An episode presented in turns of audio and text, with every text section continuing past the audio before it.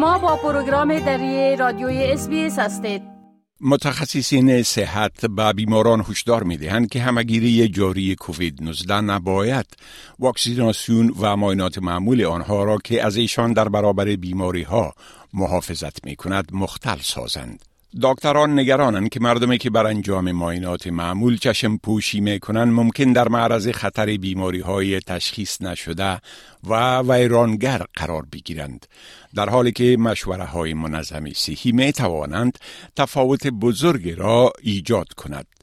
در وضعیت کنونی که ابتلا به ویروس کرونا هنوز هم در سراسر استرالیا در حال گسترش است و بسیاری مردم در استرالیا مشغول سرگرمی های دوران رخصتی کریسمس و سال نو هستند ممکن مشکلات صحی دیگر به فراموشی سپرده شوند. اکنون دکتران و متخصصین بیماران را تشویق می کنند تا برای انجام معاینات مهم صحی وقت بگیرند تا اطمینان حاصل نمایند که به مشکلات صحی دیگرشان رسیدگی می شود.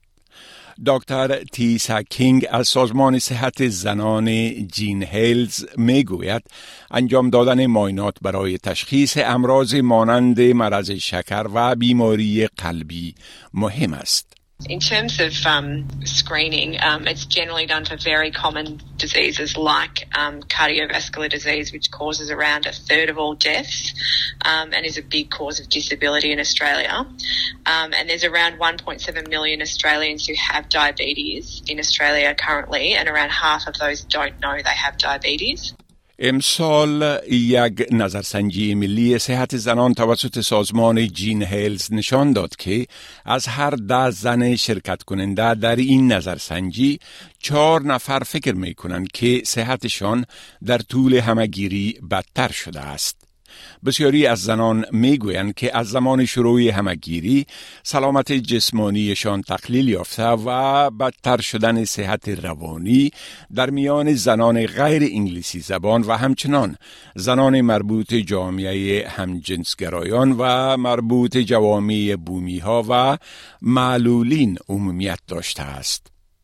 دکتر نیک ماسگریو از لابراتوار Sullivan Nicolaides Pathology به SBS News گفته است که تعداد بیشتری از بیماران در نتیجه همگیری ویروس کرونا به جای مراجعه نزد دکتران از مشوره تلفنی تلی هلت استفاده می کنند. با مقایسه معلومات مدیکیر در مورد ماینات بیماری پست در شش ماه اول سال 2019 با معلومات مشابه در سال جاری معلوم گردیده که در این گونه ماینات 12 فیصد کاهش به عمل آمده است. دکتر ماسگریو مردم را تشویق می کند که هر سال پست خود را ماینه کنند زیرا به گفته او از هر سه نفر در استرالیا دو نفر در طول زندگی خود به نوع از سرطان پوست مبتلا می شوند. It's very much a case of opportunistic screening. So you may attend for other reasons, but this does provide an opportunity for the general practitioner to uh, have an, give you give you a skin check or do perform some of those other checks that we would do routinely. And with the decreased numbers going, we've seen decreased screening for skin cancers and decreased biopsies. و به بیمارانی که نگران مخارج این ماینات هستند دکتر سینگ می‌گوید که بسیاری از این مخارج از جانب مدیکیر پرداخته می شود و اگر یک دکتر معتمد آن را انجام دهد باید کاملا رایگان باشد. حتی بعضی از آزمایش ها را می توان در خانه انجام داد مثل ماینات سرطان دهانه رحم که جاگزین ماینات پاپسمیر شده و دوازده فیصد از این برنامه با جمعوری نمونه ها توسط خود شخص اجرا می شود.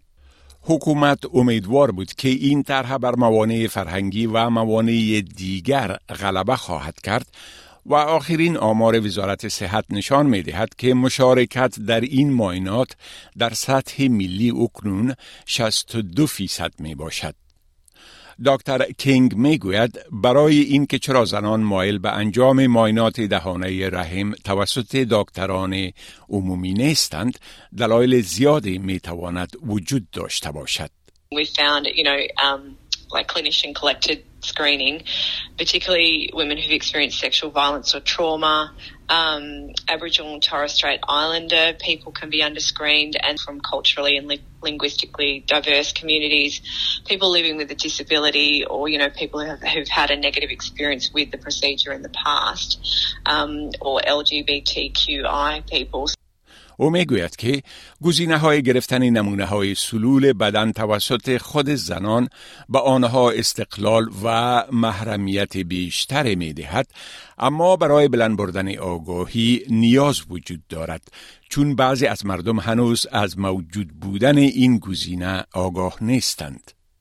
حکومت فدرالی می‌گوید که در حال تهیه کارزار برای افزایش آگاهی عمومی در مورد گرفتن نمونه سلول بدن توسط خود زنان است تا میزان انجام یافتن ماینات برای تشخیص سرطان دهانه رحم افزایش بیابد.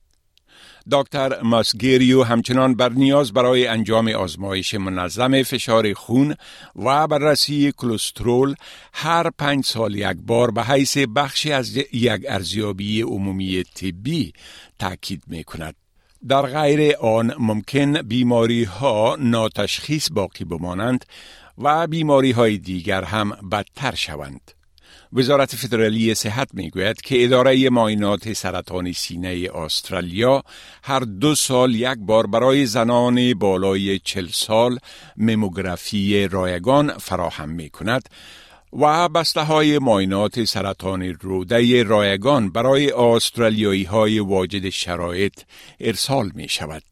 و مقامات صحی در این فصل تابستان هر کسی را تشویق می کند که دوز تقویت کننده کووید 19 توصیه شده خود را هرچی زودتر بگیرند. گزارش را که شنیدید با کمک ستفنی کورسیتی از اس نیوز تهیه شده بود. می خواهید این گناه گزارش ها را بیشتر بشنوید؟ با این گزارشات از طریق Apple Podcast، Google Podcast، Spotify و یا هر جایی که پادکاستتان را می گیرید گوش دهید.